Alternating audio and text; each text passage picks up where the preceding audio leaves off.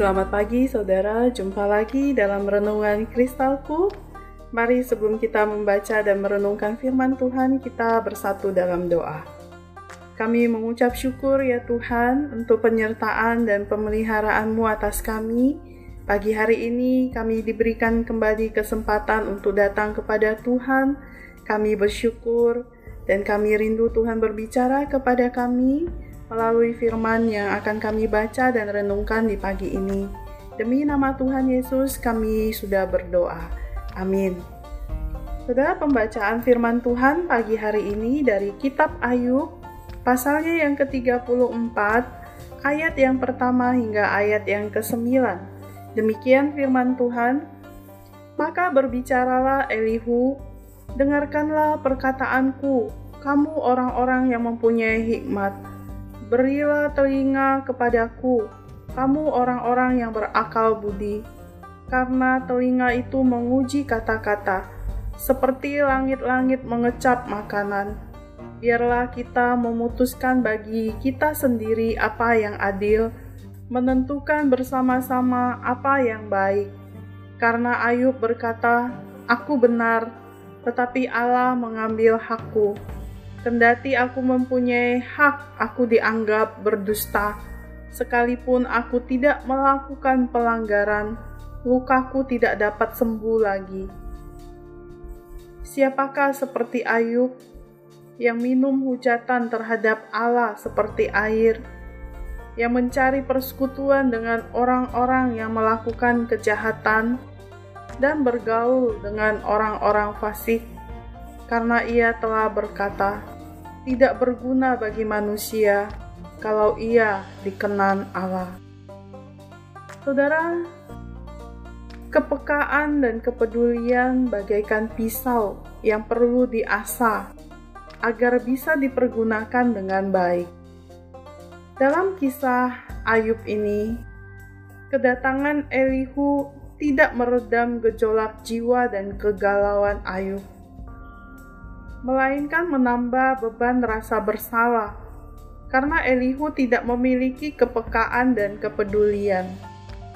Walaupun ia menganggap dirinya berhikmat, ia sebenarnya sama seperti ketiga teman Ayub yang telah meninju Ayub yang tak berdaya. Ada beberapa tuduhan yang disampaikan Elihu. Yang pertama, ia menuduh Ayub telah menghujat Allah dan bersekutu dengan orang-orang jahat untuk melakukan kejahatan. Yang kedua, ia menuduh Ayub sebagai pembenci keadilan dan telah menyalahkan Allah. Yang ketiga, ia menuduh Ayub menyombongkan diri dan berbuat curang, sehingga harus meminta pengampunan Allah atas dosa-dosanya. Yang keempat, ia menuduh Ayub berbicara tanpa pengetahuan karena menjawab seperti orang jahat. Kelima, ia menuduh Ayub menambah dosanya dengan pelanggaran dan melakukan kekerasan fisik. Terhadap tuduhan seperti itu, Ayub hanya terdiam, tidak menjawab. Jiwanya lelah mendengar tuduhan-tuduhan tak berdasar itu. Jelas bahwa Elihu tidak mengasah kepekaan dan kepedulian terhadap Ayub.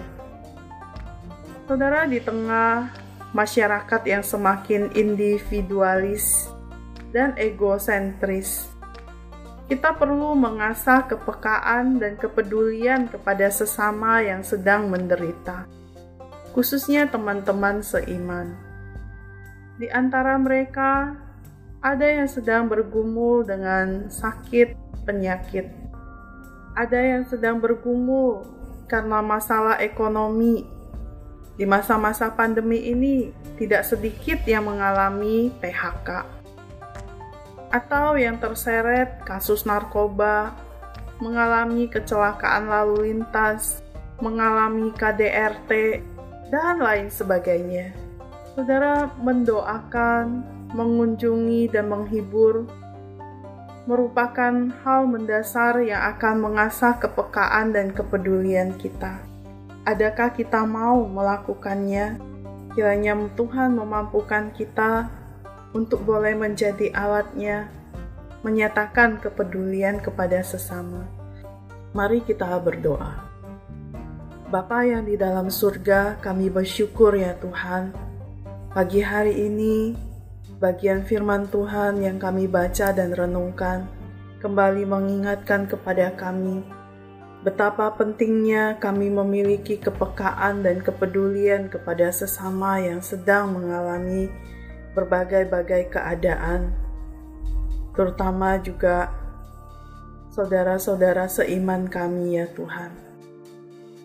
Bapa, tolonglah kami, tambahkanlah kepekaan atas kami, sehingga ketika kami datang mengunjungi, menghibur, mendoakan itu kami boleh lakukan dengan penuh kesadaran dan sesuai dengan kehendak Tuhan, sehingga kehadiran kami maupun doa-doa kami itu sungguh boleh membawa keteduhan, membawa ketenangan bagi saudara-saudara kami. Terima kasih, Tuhan Yesus. Kami menyerahkan seluruh aktivitas kami hari ini. Kiranya kasih dan penyertaan Tuhan menopang menguatkan kami.